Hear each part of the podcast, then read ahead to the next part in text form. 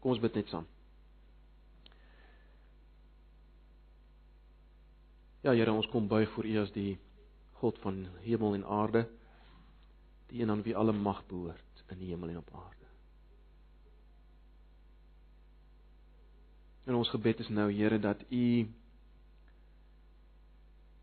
die wonder sal doen om met ons te praat deur U woord en die werking van U Gees.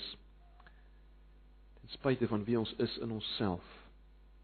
Ons enigste hoop dat U vanoggend met ons bemoeienis kan maak is Christus.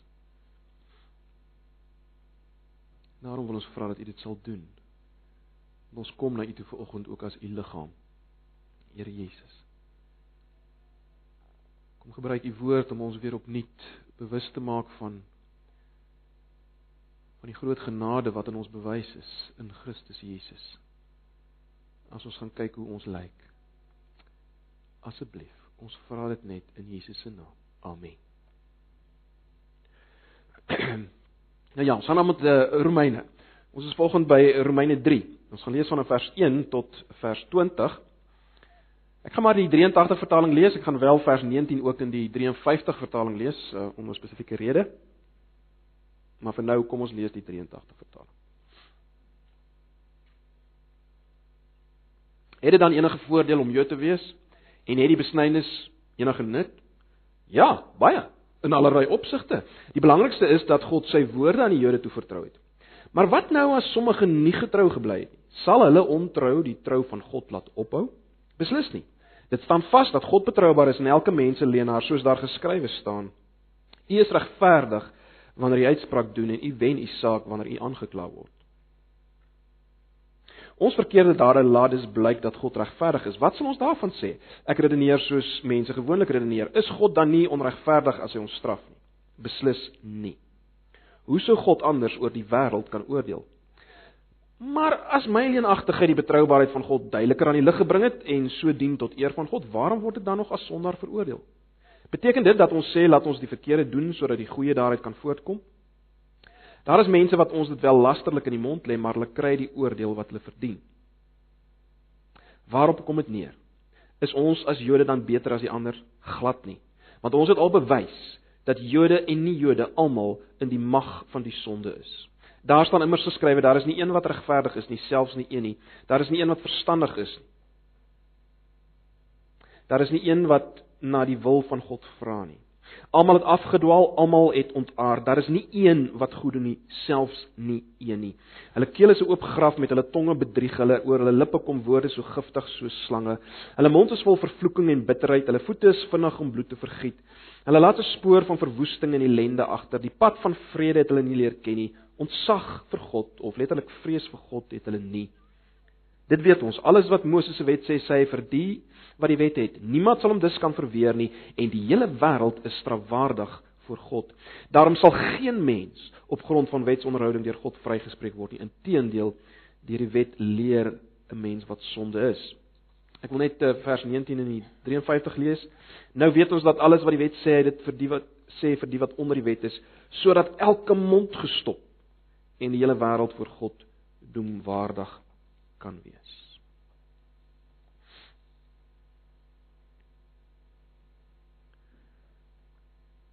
Nou ek dink uh min of meer almal van ons wat hier sit weet uh wat gebeur in 'n hof of 'n hofsitting met hy van ons uh hier's advokate en prokureurs wat bietjie beter weet as ons.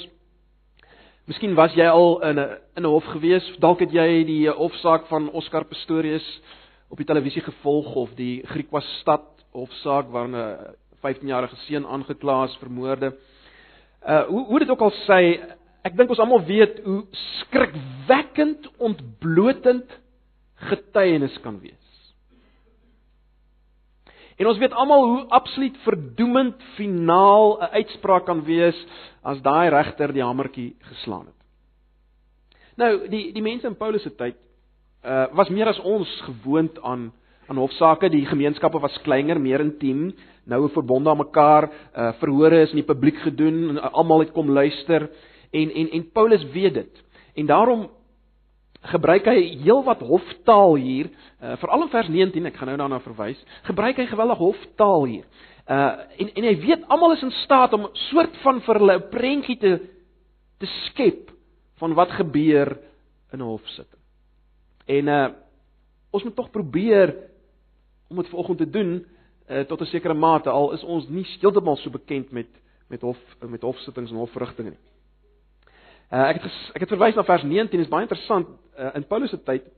Uh as jy aangekla is en jy het niks meer te sê nie. Met ander woorde uh jy kan niks meer sê tot jou verdediging nie, dan het jy letterlik jou hand op jou mond geplaas.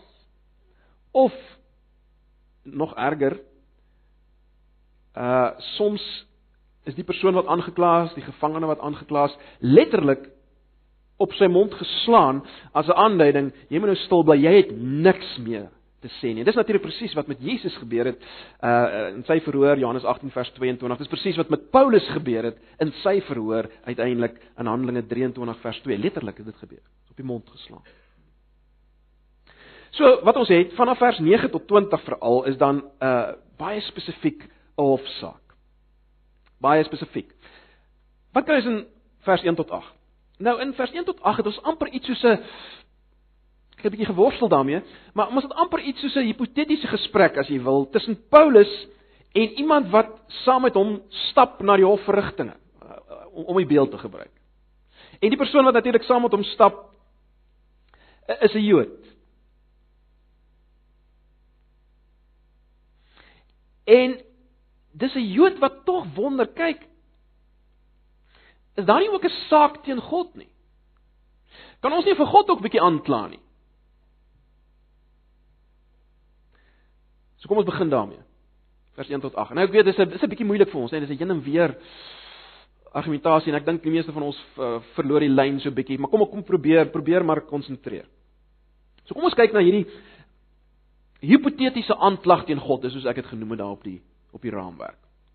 Nou die eerste vraag of hipotetiese vraag aan Paulus op pad na die hofsitting as jy die beeld wil gebruik, is dit in vers 1. Wat is dan die voordeel van die Jood of wat is die nut van die besnydenis?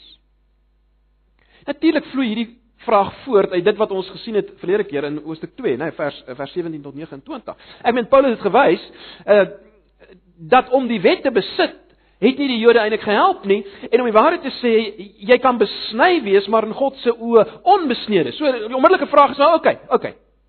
Paulus, wat se nut het dit dan nou hoegenaamd om 'n Jood te of, of wat help dit dan nou in elk geval om 'n Jood te wees? Watter voordeel is daarin en en is daar enige nut in die besnydenis? En mense sou nou verwag dat Paulus in die lig van wat hy gesê het in hoofstuk 2 vers 17 tot 29 dat Paulus sal sê, nee, daar's geen nut, geen voordeel. Maar dis nie wat hy sê nie. sien julle dit? Hy sê hy, hy sê letterlike vertaling groot in alle opsigte of baie.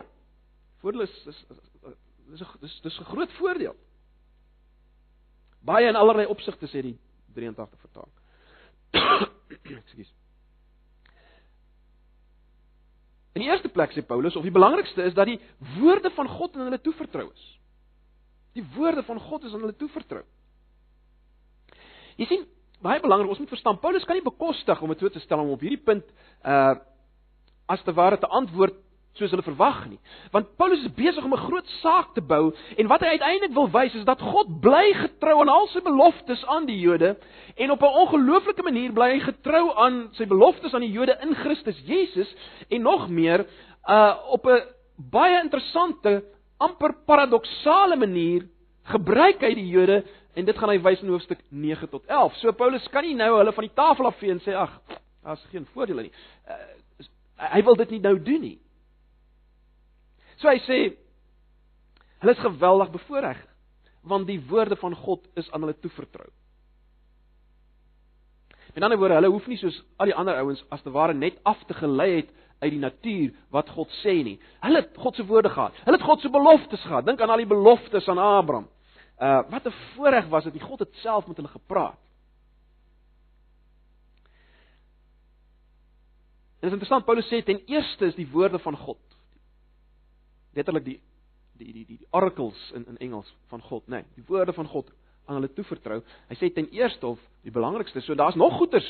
En en en wat is dit wel? Ons mense kan nou daaroor spekuleer wat hy presies daarmee bedoel. In hoofstuk 9 vers 4 tot 5 sê hy ook, wel Christus is na die vlees uit hulle gebore. Is uit hulle gebore.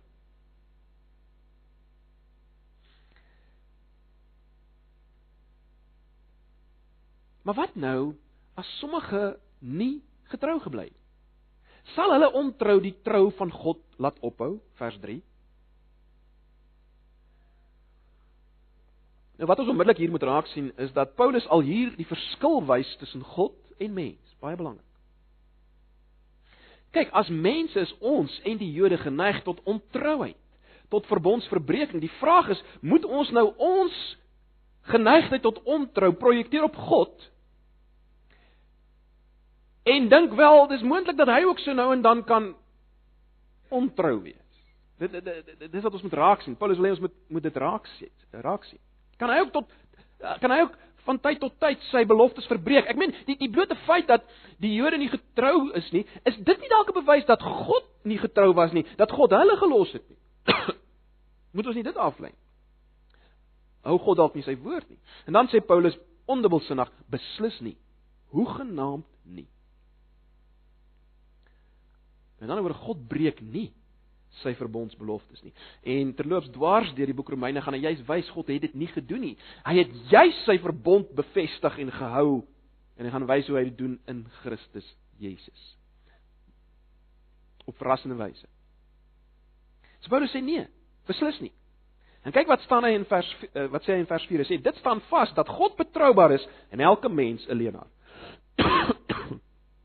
en dan haal hy Psalm 51 aan soos daar geskrywe is: U is regverdig wanneer u uitspraak doen en u wen u saak wanneer u aangekla word. So Paulus maak dit baie duidelik: God is regverdig, absoluut regverdig in sy oordeele wanneer hy praat. Is hy aan die regte kant, as ek dit so kan stel? Hy's regverdig. Uh Daar's geen twyfel daaromtrent nie en om sy saak te versterk, trek Paulus vir Dawid in, koning Dawid, die koning van die Jode en uh die gedeelte in Psalm 51 wat Dawid erken, kyk. Toe God my straf vir wat ek gedoen het, was God absoluut reg. En sien as koning Dawid dit sê, dan dra dit gewig. God was absoluut reg toe hy my gestraf het. Hy dis nie hy wat my gelos het nie. Dis nie hy wat ontrou was teen my Dawid. Nee, dit dis per implikasie wat Dawid sê. Terloops, natuurlik moet ons dit raak sien dat die Jode het vergeet dat God hou juis sy verbond as hy straf. Want, want onthou in Deuteronomium 28 en 29 het hy juis gesê verbondsonderhouding lei tot seën, verbondsverbreeking lei tot straf en vloek en al die ellende. So God hou juis sy verbond as hy straf. Hy hy bly juis getrou as hy straf, maar dit het die Jode veral in Paulus se tyd nie so lekker meer uh, verstaan nie. hulle het bietjie dit vergeet. Maar goed. Hierdie hipotetiese Jood kom dan met sy volgende vraag. Hy sê: "Goed, goed Paulus. Ons verkeerde dade laat dis blyk dat God regverdig is, vers 5. Wat sal ons daarvan sê? Ek redeneer soos mense gewoonlik redeneer. Is God dan nie onregverdig as hy ons straf nie? Nou julle kan agterkom wat hy agter hierdie vraag, né? Nee, ek meen, uh As God absoluut regverdig is soos Paulus nou gesê het en ons is altyd leenaars en sondig, dan help ons sonde mos in 'n sekere sin om God se grootheid te wys, want want die teenstelling tussen ons en God kom dan baie duideliker na vore. Met ander woorde, sy geregtigheid, sy getrouheid in teenstelling met ons ontrouheid kom dan duidelik na vore. So eintlik bewys ons om 'n guns. Dit lê agter die vraag. Eintlik bewys ons om 'n guns. As ons aangaan met ongeregtigheid. So straf hy ons nie onregverdig nie. Ons bewys hom dan eintlik 'n guns. Dit dit dis wat hierdie hipotetiese Jood sê. En dan kom Paulus en hy sê in vers 6: "Beslis nie. Hoe sou God anders oor die wêreld kan oordeel?" So Paulus kom sê as te ware, kyk, as ons ongeregtigheid as te ware reg is, regverdig is. Op grond daarvan dat dit God se geregtigheid beter laat na vore kom. Wel, wel, dan dan is God se oordeel daarmee heen. Ek meen dan moet God ons eerder net komplimenteer. Dan moet hy alle mense net altyd komplimenteer. Dit dit is al werk wat God het om te komplimenteer. En en die Jode het geweet en dit, dit, dit, Paulus haal dit nie aan nie, maar as Jode het dit geweet, Genesis 18 vers 25 dat God is die regter van die hele wêreld wat reg laat geskied. As hierdie argument van die hipotetiese Jode waar is wel dan dan dan as God glad nie meer dit nie. Dan is dit maar net daarom mense te komplimenteer dat hulle hom laat beter lyk deur hulle sonde. So Paulus wys dit baie sterk af. In vers 7 en 8, nou dis 'n bietjie moeilik in vers 7 en 8. Uh, uh, dis nie so duidelik as jy veral na die Grieks kyk of dit 'n uh, die Jood is, die hipotetiese Jood wat hier praat en of Paulus sê, kyk, dis wat hulle van ons as apostels sê nie. Uh maar ek wil nie nou daarop ingaan nie. Kom ons bly by die 83 vertaling. Ons kyk maar net hoe dit in die 83 vertaling na vore kom. Ek lees dit. Vers 7 en 8. Maar as my leenagtigheid die betroubaarheid van God duideliker aan die lig gebring het en so dien tot eer van God, waarom word ek dan nog as sondaar veroordeel? Beteken dit dat ons sê laat ons die verkeerde doen sodat die goeie daaruit kan voortkom? En dan sê Paulus, daar's mense wat ons dit wel lasterlik in die mond lê, maar hulle kry die oordeel wat hulle verdien.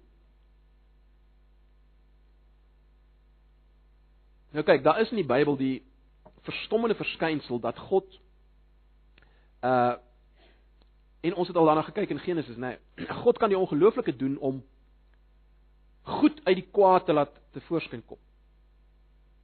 Byvoorbeeld Dink aan die geval van Judas. God bereik as te ware, as mens dit so stel, die verlossing van die wêreld deur die verloning van Jesus deur Judas daarbey in te skakel. Nee. Maar nou is die vraag. Kan Judas nou op die oordeelsdag as te ware staan en sê, kyk, God, gee my asseblief 'n beloning. Want wat is nie vir my Judas nie, dan was die wêreld verlore.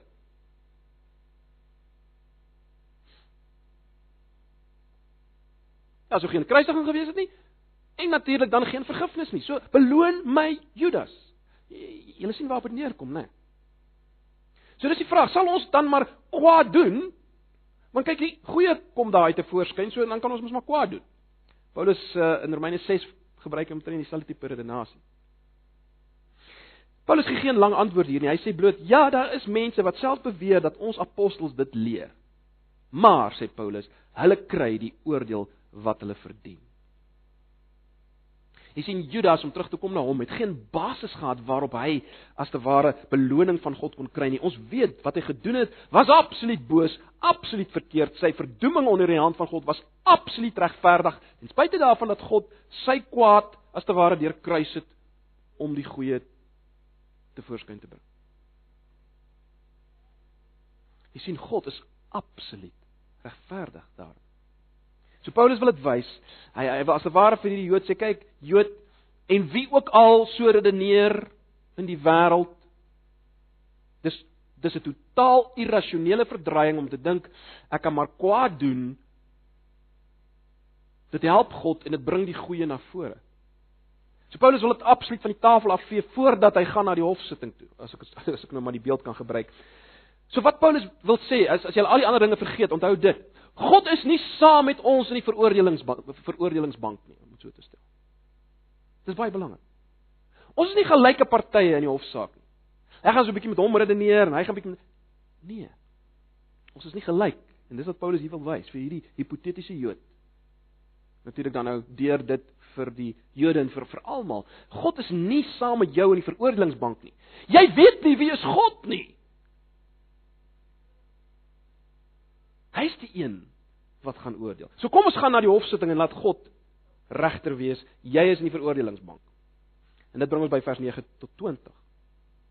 Kyk na vers 9. Waarop kom dit neer? Is ons as Jode dan beter as die ander?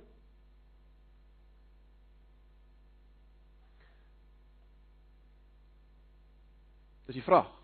En die antwoord is glad nie, hoe genaamd nie. Ek meen, ons het dit reeds gewys, sê Paulus uh uh in vers 9. Hy het reeds in vers 1 en 2 gewys. Interessant. Paulus uh gebruik weer uh hoftaal daar, né? Nee, ons het reeds bewys.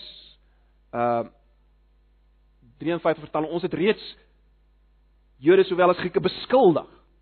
Né, nee, ons het reeds bewys, ons het reeds beskuldig. Dis weer hoftaal wat hy gebruik. Wat het ons bewys? Dat almal onder die sonde is. Dis wat hy sê. Dat almal onder die sonde is. Baie interessant. Hy sê nie dat almal sondaars is. Hy sê dat almal onder die sonde is. Dit is 'n interessante term wat hy gebruik. Met ander woorde, wat hy wil wys is dat sonde self is 'n aktiewe mag onder wie se beheer jy is. Jy's onder sy heerskappy en hy gaan baie daarvan maak oor hierdie heerskappy van sonde as hy later in Romeine kom. Hoofstuk 5, 6 en so meer. Jy's onder sy mag, hy hou jou onder. Jy's onder sonde. En dan gee Paulus hierdie geweldige lang Ou Testamentiese aanhaling. En en en, en jy moet nou half die weer die prentjie kry. Dis asof Dis asof die regter nuwe bewyse nader sleep. Daar word nuwe bewyse vir hom gegee. 3 vers 10 tot 12. Daar staan immers geskrywe: Daar is nie een wat regverdig is nie, selfs nie een nie. Daar is nie een wat verstandig is nie, daar is nie een wat na die wil van God vra nie of na God soek nie letterlik. Almal het afgedwaal, almal het ontaard. Daar is nie een wat goed doen nie, selfs nie een nie. So dis wat die regter lees as te ware op hierdie dokument. Nou die aanhaling kom natuurlik uit Psalm 14 vers 1 tot 3, maar ook gedeeltelik uit Psalm 53 vers uh vers 1 en verder. Uh in in Psalm 14 word die term regverdig nie gebruik nie. Paulus gebruik dit doelbewus, die term goed word gebruik. Maar in Prediker wel. Uh so waarskynlik is Paulus so 'n vermenging van die goed, né? Nee, in Prediker 7 vers 20 word dit so gestel. Daar's niemand regverdig nie. Uh, op net 'n bietjie ander manier. Maar hoe dit ook al sê, broers en susters, is sekerlik hierdie hierdie hierdie aanhaling is sekerlik een van die mees radikale uitsprake oor die korrupsie van die mens wat ooit op papier verskyn het. Sekerlik die mees radikale uitspraak oor die korrupsie van die mens wat ooit met ink op papier geskryf is. So kom ons kyk bietjie stuk na stuk hierna. Paulus sê eerstens, daar's niemand regverdig nie, selfs nie een nie. So as jy iewers 'n ouetjie wat wegkruip wat regverdig is. Iewers in die bosse nie. Nou moet ons dit verstaan. Wel, net soos dit daar staan, Paulus sê daar's geen menslike wese wat ooit geleef het behalwe Jesus van Nasaret wat aan God se standaarde voldoen nie. Met ander woorde, daar's niemand wat luister mooi na my woorde, regverdiglik regverdig verklaar kan word voor God nie. Daar's niemand wat in die regte verhouding met God staan nie of binne Paulus se raamwerk binne die regte verbondsverhouding met God staan nie. Niemand nie. Nie een nie. En dan sê hy daar's nie een wat verstandig is nie. Jy sou dit ook seker kon vertaal, maar daar's niemand wat wys is nie. Nou, jy sal weet wysheid, ware verstaan, verstandigheid volgens die Ou Testament begin juis met die vrees van die Here wat natuurlik net 'n manier is om te sê ware wysheid is as jy leef binne die verbondsverhouding en die verbondsraamwerk in verhoudings met God. Dis wat dis wat Spreuke wil sê. En Paulus kom sê wel daar's niemand nie Want niemand is regverdig nie. Jy sien, geregtigheid in die regte verhouding wees met God, dis wysheid. dis verstaan. So daar is niemand wat God se geregtigheid verstaan nie, sy karakter verstaan nie, en daar's ook niemand wat verstaan hoe om in verhouding met hom te wees nie. Dis wat Paulus sê. As niemand regverdig nie, daar's nie een wat verstandig is nie.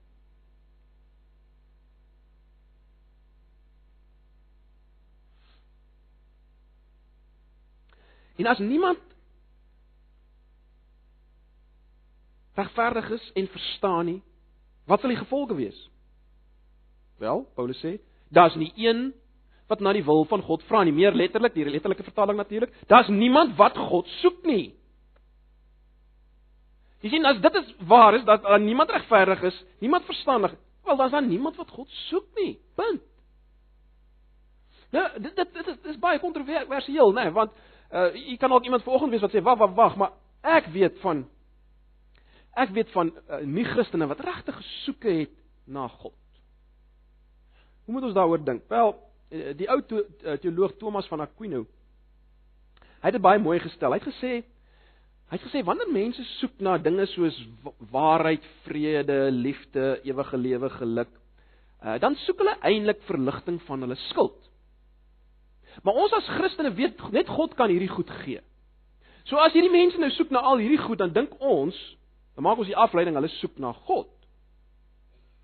Maar sê Thomas, uh, dis waar ons die fout maak. Hierdie mense soek net vir die voordele wat God vir hulle kan gee. Hulle vlug eintlik in hierdie soeke juis weg van die persoon van God. Hulle soek nie die persoon van God nie.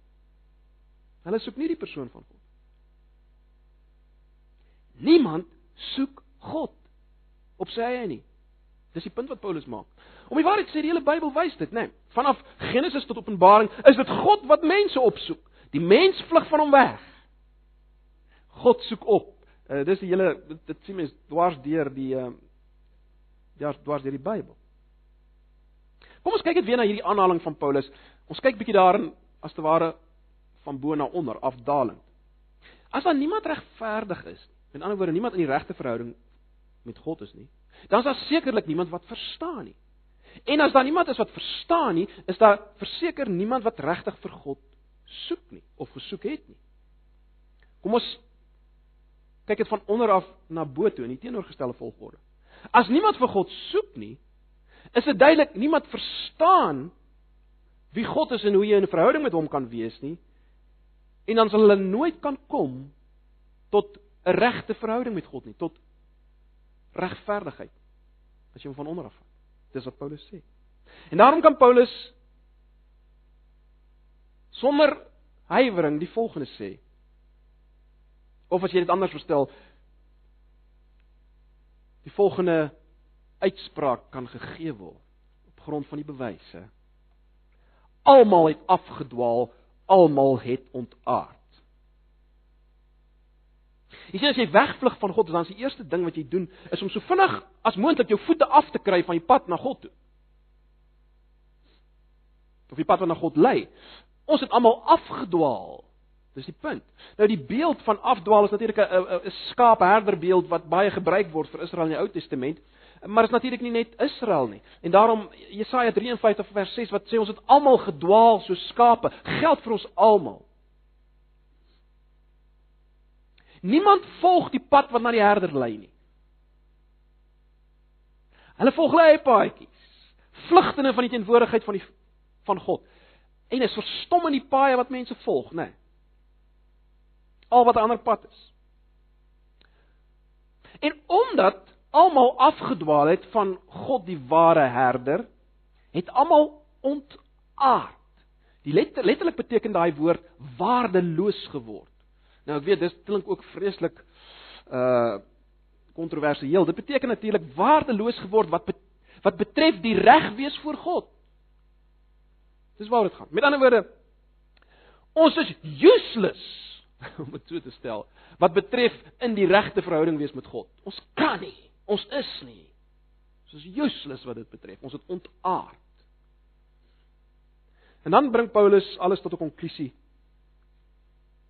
Hierdie hy bring hierdie lang aanhaling tot 'n konklusie. Hy sê daar is nie een wat goed doen nie, selfs nie een nie. Glo ons dit? Buite Christus natuurlik. Onthou nou. Is daar nie een wat goed doen nie, selfs nie een nie. Nou weer eens, hoe op aarde kan dit wees? Ek meen, ons almal weet van uh nie Christene wat wat so baie doen nê nee, vir die aidswesies in Afrika. En ag, noem op.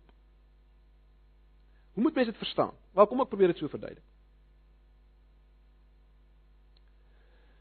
Kom ek probeer dit so verduidelik. As jy nie steel nie, het jy eintlik net die helfte van die gebod gehou. Die uiterlike, die eksterne deel. Die die Bybel leer dat elke ware goeie daad van God moet ook gemotiveer word deur 'n hart wat God liefhet, wat God wil eer. Dis die interne dimensie van daardie daad. En albei moet dan wees om 'n goeie daad vir God te wees. So as dit nie daar is nie, as hierdie interne dimensie nie daar is nie, uit liefde vir God om hom te eer, om hom groot te maak, dis hoekom ek hierdie ding doen nie. As dit nie daar is nie, wel dan word jou daad maar net weer gemotiveer deur selfsugtig begeertes. Met ander woorde, ek wil beter lyk. Ek wil meer eer kry. Ek wil meer bekend wees. Ek wil hê almal moet sê, "Kyk hoe op offer daai persoon op vir die armes." Hy gaan selfs op 'n Pretoria Weskamp. Kyk hoe geweldig opofferend is hy. Jy sien ons ons wil dit hê, ons soek dit. En daarom kan Paulus sê, daar's nie een wat goed doen nie buite Christus.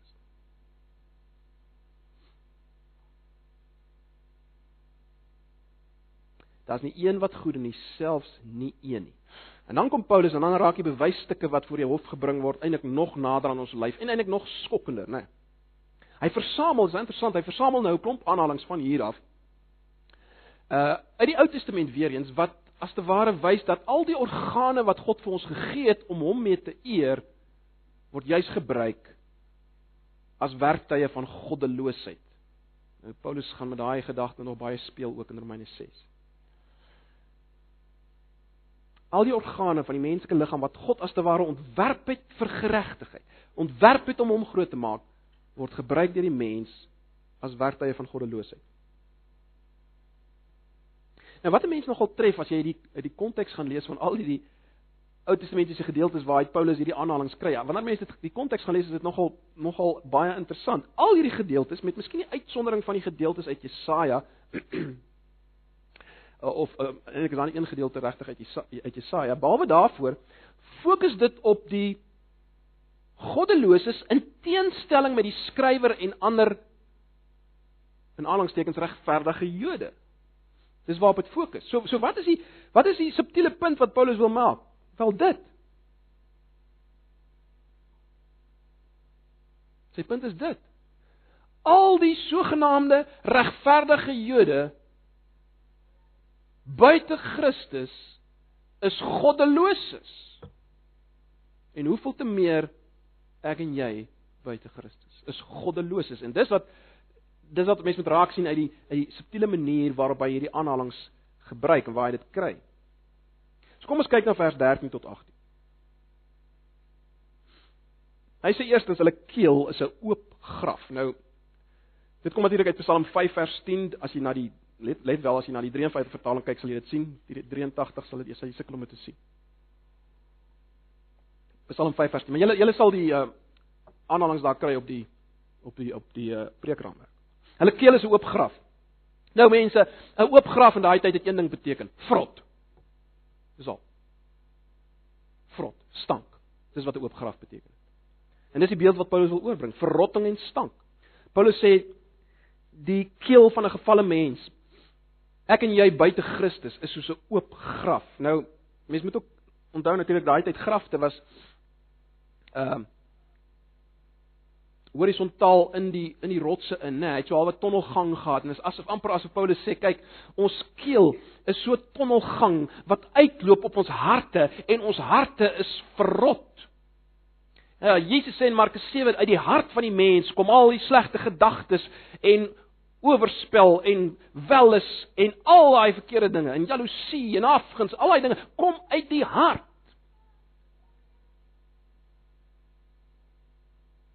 Maar uiteindelik natuurlik kom dit uit. Kom dit na vore. Paulus sê hulle keel is oopgeraf.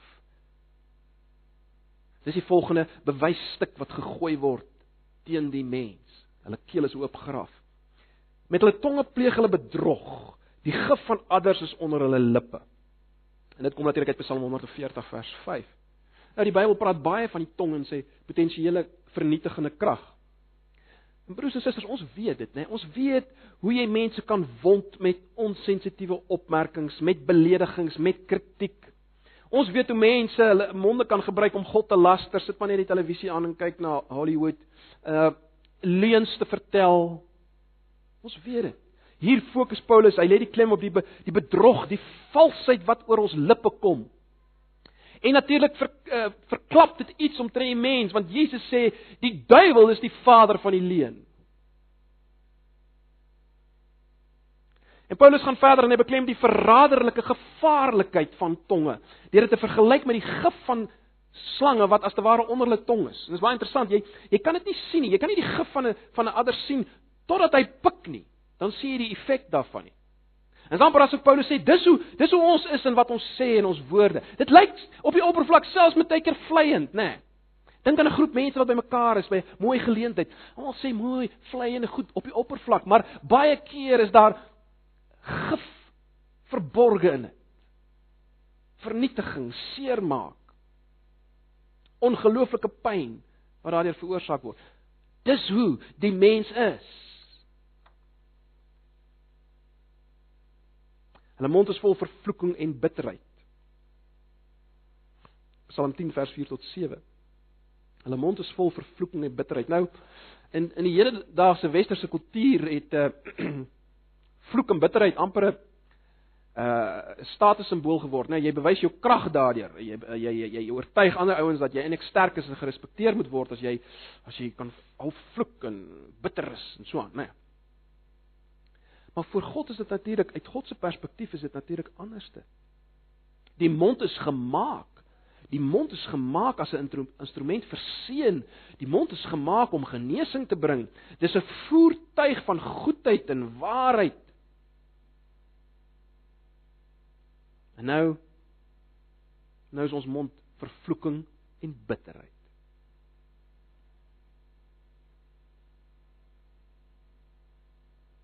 Ek dink vir 'n oomblik as jy iemand het wat 'n slang se gif onder sy lippe het en wie se mond gevul is met vervloeking en bitterheid, wat wat wat het jy? Wel wel jy het 'n persoon wat vyandig is, nê? Nee, wat vyandig is.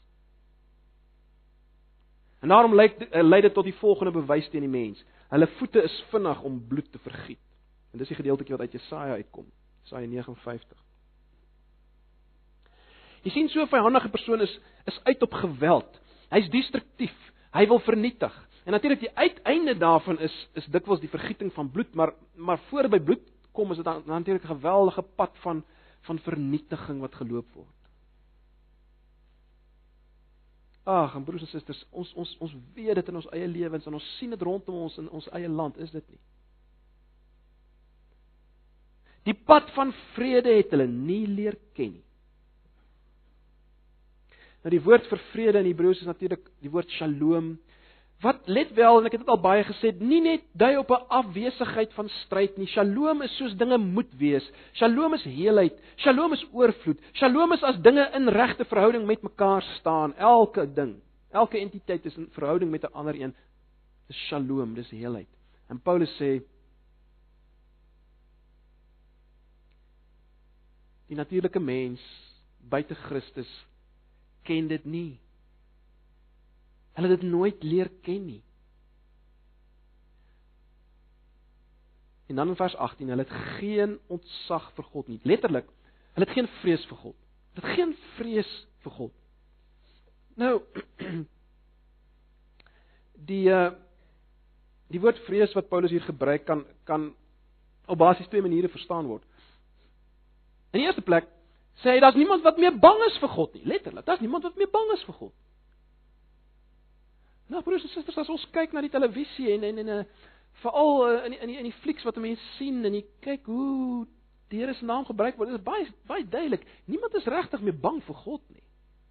Jy sien ons lewe asof daar nie 'n God is nie. Ons lewe asof ons nooit voor God gaan staan nie en ons lewe asof God nooit iets aan ons kan doen en sal doen nie. Daar's geen vrees vir God nie. Maar natuurlik het vrees ook 'n ander betekenis in die Bybel. En dis juist hierdie gedagte van om dit so te stel, die vrees dat ek hom sal bedroef. Daardie ontzag vir hom. Ek wil hom nie bedroef nie want ek het hom lief en ek eer hom en ek respekteer hom. En Paulus sê, daar's niks daarvan meer. Wil ek so stel, daar is nie daar is nie so iets onder die natuur by die natuurlike mens nie. Daar is nie daar is nie vrees vir God nie. Dis 'n verdoeming. Ek dink net voor die regter.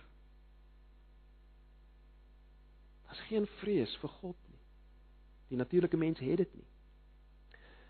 En dan sê Paulus in vers 19: Dit weet ons alles wat Moses se wet sê. Sê hy vir die wat die wet het, niemand sal hom dus kan verweer nie en die hele wêreld is strafwaardig voor God. Ek lees weer die 53 vertaling. Nou weet ons dat alles wat die wet sê, dit sê vir die wat onder die wet is, sodat elke mond gestop en die hele wêreld voor God doemwaardig kan wees. Hoe kan Paulus dit sê? Wel, hy het reeds gewys dat heidene ook sonder dat hulle in dieselfde posisie is as die Jode wat betref die die wet van Moses staan hulle skuldig aan die wet. Hy het dit reeds gewys, hy hoef nie weer te wys nie, né? Nee. En nou het hy gekom en hy het gewys Dis die Jode se posisie. Baie interessant, hy gebruik die term onder die wet. En en dis nogal skokkend in Romeine en ons sien dit julle sal weer sien in Romeine 6. Paulus kom wys dat onder die wet is gelyk aan onder sonde, dis sinoniem. Hy gebruik dit as sinonieme. As jy onder die wet is, is jy onder sonde. En dis wat die Jode was. En dis wat baie Christen Suid-Afrikaners is. Dalk volgens mense wat hier sit is.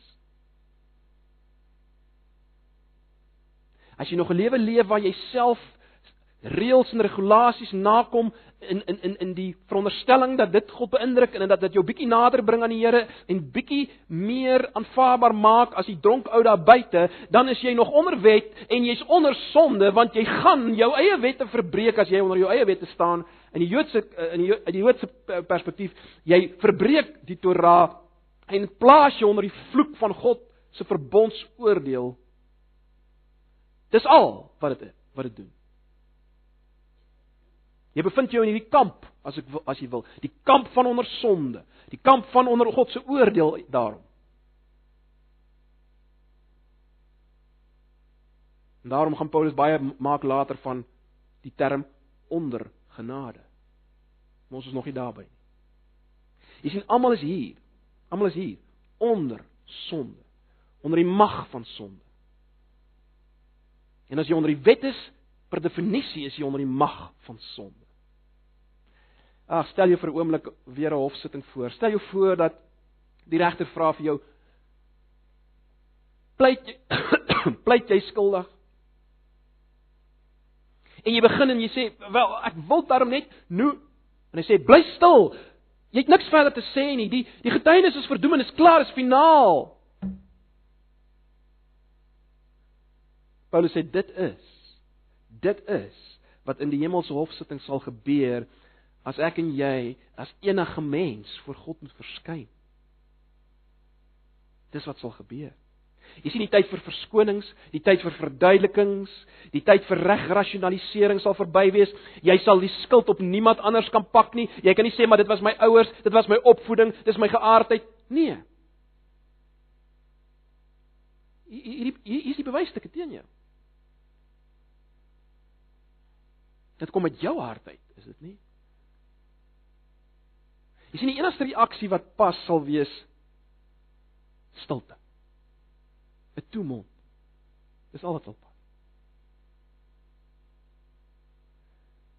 Daarom sê Paulus in vers 20: Geen mens, geen mens sal op grond van wetsonderhouding in watter vorm ook al vrygespreek of geregverdig kan word nie. Inteendeel, deur die wet leer 'n mens wat sonde is. Jy sien jou pogings tot onderhouding van die wet in watter vorm ook al is is is futiel, is is sinneloos, is nutteloos. Dit kan jou nie vryspreek op die oordeelsdag nie. Dit kan jou nie in die regte verhouding met God plaas nie. Al wat dit kan doen is om sonde te wys. Dis al wat die wet kan doen. En Paulus gaan dwaars deur Romeine wys dis wat die wet kan doen. Uh, hy wys dit ook in Galasiërs om die waarheid te sê in die, in die groter plan van God is die hele wetsbedeling, die ou verbond gegee om sonde duidelik te maak en sonde uit te lig sodat God uiteindelik en daarbey gaan ons kom iets daaraan sou kon doen. Maar vir nou moet ons dit weet, dit help jou niks nie. Jy kan nie daarmee self erns kom nie. wat betref die reg wees voor God nie. Dit gaan jou nie help op die oordeelsdag nie, geen deel daarvan nie. Nie die 10 gebooie nie, nie die feeste, die onderhouding van die feeste nie of die Sabbatdag of die besnydenis of wat ook al nie. Niks.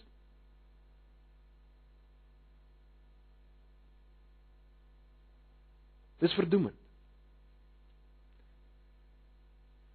Dis verdoemend.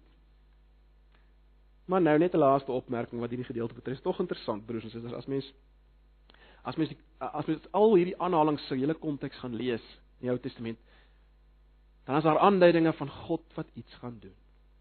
Baie interessant. Dat God gaan getrou bly. God gaan reg laat geskied. Dis al in hierdie Ou Testamentiese gedeeltes. As jy bietjie van nader lees en bietjie fyner lees. Maar goed, daarvoor moet ons wag tot volgende keer. Daarvoor moet ons wag tot volgende keer. Vir die goeie nuus, vir die verstommende draaipunt in hierdie hofsaak as jy wil. Maar kom ons trek dit net baie vinnig, 'n paar en ek is, gaan baie kort wees. Uh 'n paar punte deur na ons eie lyf. Eerstens, as jy ver oggend nog is soos die hierdie hipotetiese Jood wat as te ware vra vra oor God se regverdigheid. Jy wil nog redeneer met God. En dan gaan baie sulke mense, né? Hulle hulle hulle die die geweldige verstommende vrymoedigheid om God as te ware in die oordeelsbank te plaas.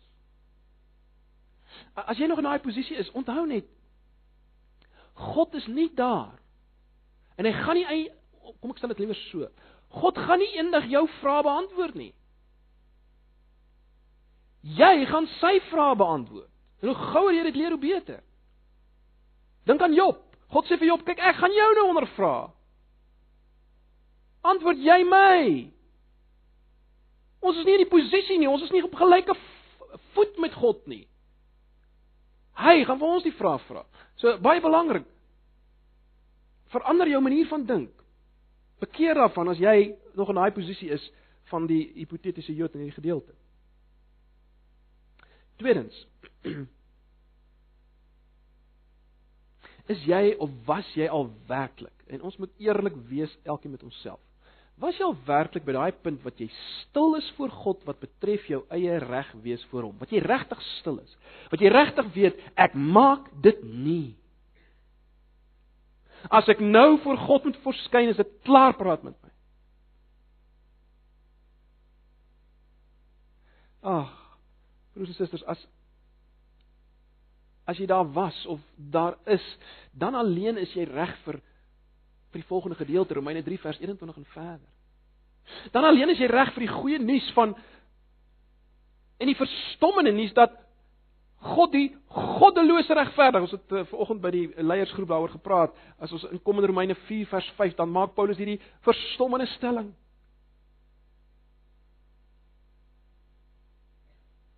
God regverdig die goddelose. Die waarvan ons nou gepraat het. Dis hulle wat God regverdig en let wel hulle alleen. Nie die goeies nie. Want hulle is nie sulkes nie. So as jy al stil geword vir God, dan is jy reg vir hierdie verstommende nuus van hoe op aarde God dit kan doen. Hoe kan hy die goddelose regverdig verklaar? Dan is jy reg vir hierdie ongelooflike krag van die evangelie, die krag van redding. Bloot deur dit te glo. Die krag tot vryspraak. Die krag om reg te staan voor God. Dan is jy reg daarvoor Romeine 3:21 en verder. Dan is jy reg vir hierdie ongelooflike nuus dat God regverdiglik iemand regverdig kan verklaar wat 'n goddelose is. Hoe op aarde? Want dis die evangelie. Dis die goeie nuus. Ag, broers en susters, ons moet eers dit wat ons gesien het tot nou toe voel. Ons moet dit beleef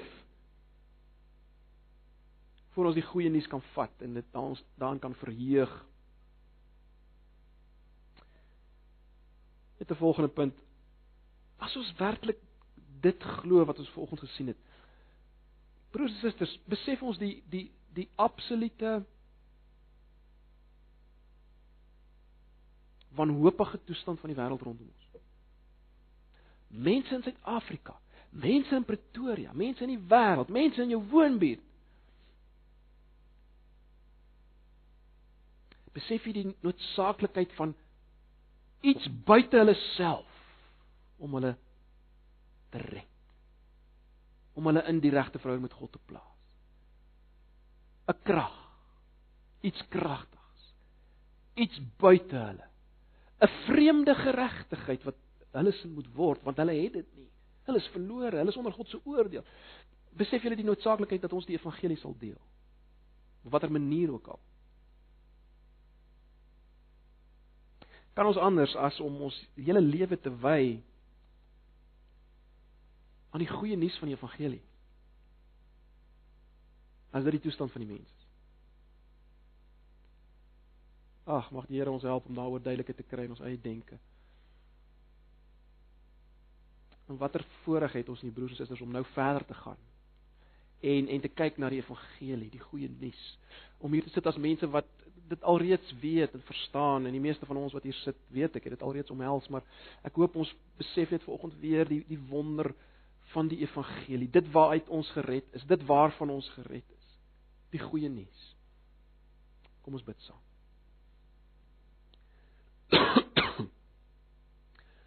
Ja Here baie dankie vir die woord. Die woord wat vanoggend nie nie goeie nuus was nie. Wat sleg is om te hoor, maar Here dankie daarvoor. Want weer eens ons weet dat as die operasie mes nie teen ons is nie, dan kan hy nie vir ons wees nie. Dan kan daar nie genesing wees nie. En ek wil bid vir elkeen wat vanoggend hier is. Here, U weet waar elkeen staan. U ken elkeen se binneste. Ek ken dit nie. Ons ken nie mekaar se binneste nie. U weet hoe lyk elkeen van ons. U weet wie het al werklik stil geword voor U en U omhels en op U vertrou vir regverdigmaking vanuit 'n hopelose toestand. U weet wie het ver oggend nodig om bemoedig te word deur die feit dat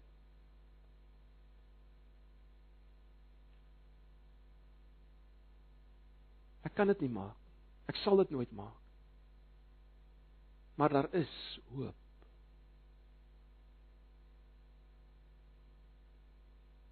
Ag Here, U weet wat elkeen nodig het vir oggend. En ek wil bid dat U deur die Gees sal werk en elkeen sal werk. Asseblief Heer, ons verwagting is van U. Ons verwagting is van U vir die res van hierdie boek Romeine dat U ons waarlik sal omkeer en sal lanseer vir u op 'n nuwe manier. Ons vra dit in Jesus se naam. Amen.